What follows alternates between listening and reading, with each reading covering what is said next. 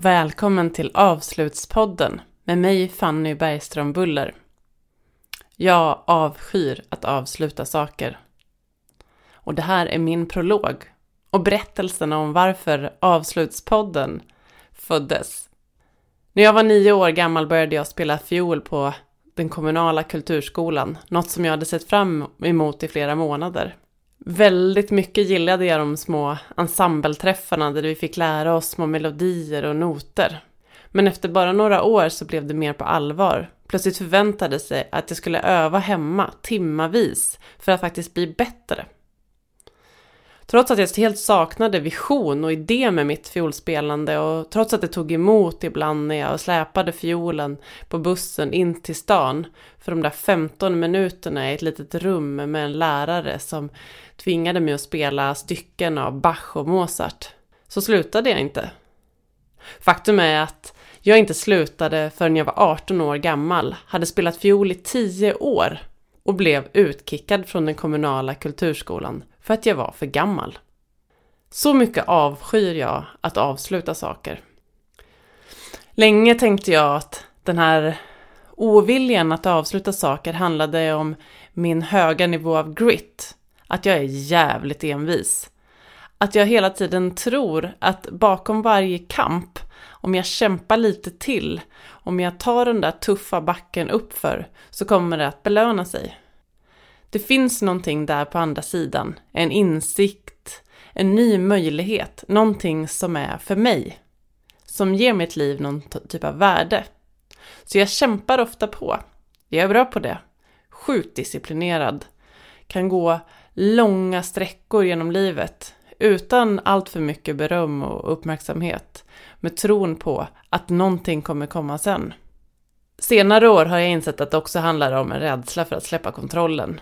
För vad händer när man avslutar någonting? Plötsligt står man där med ett, kanske ett blankt papper, någonting nytt som öppnar sig, som jag inte har en aning om vad det är. Den insikten skaver lite.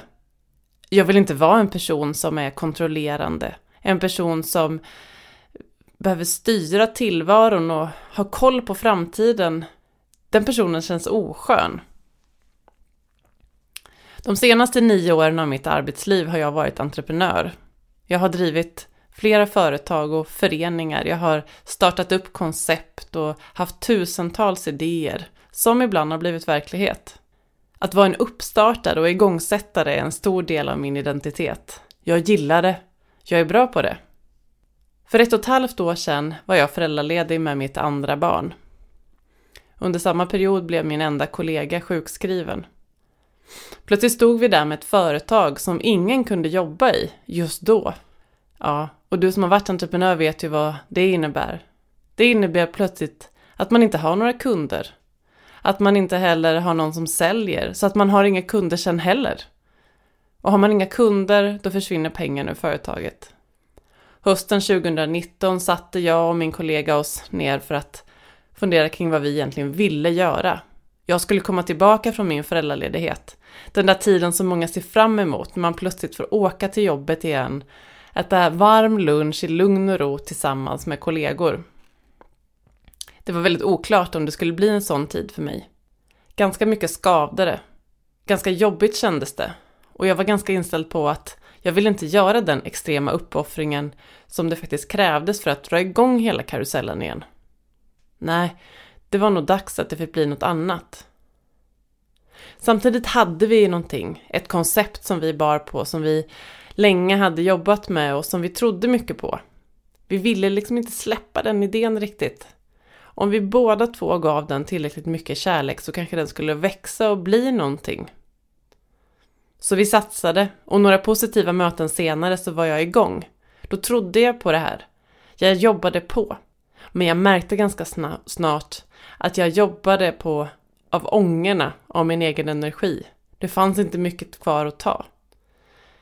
Ett halvår senare, i början på 2020, det ökända året 2020, beslutade vi till slut att vi faktiskt skulle avveckla vårt företag det året.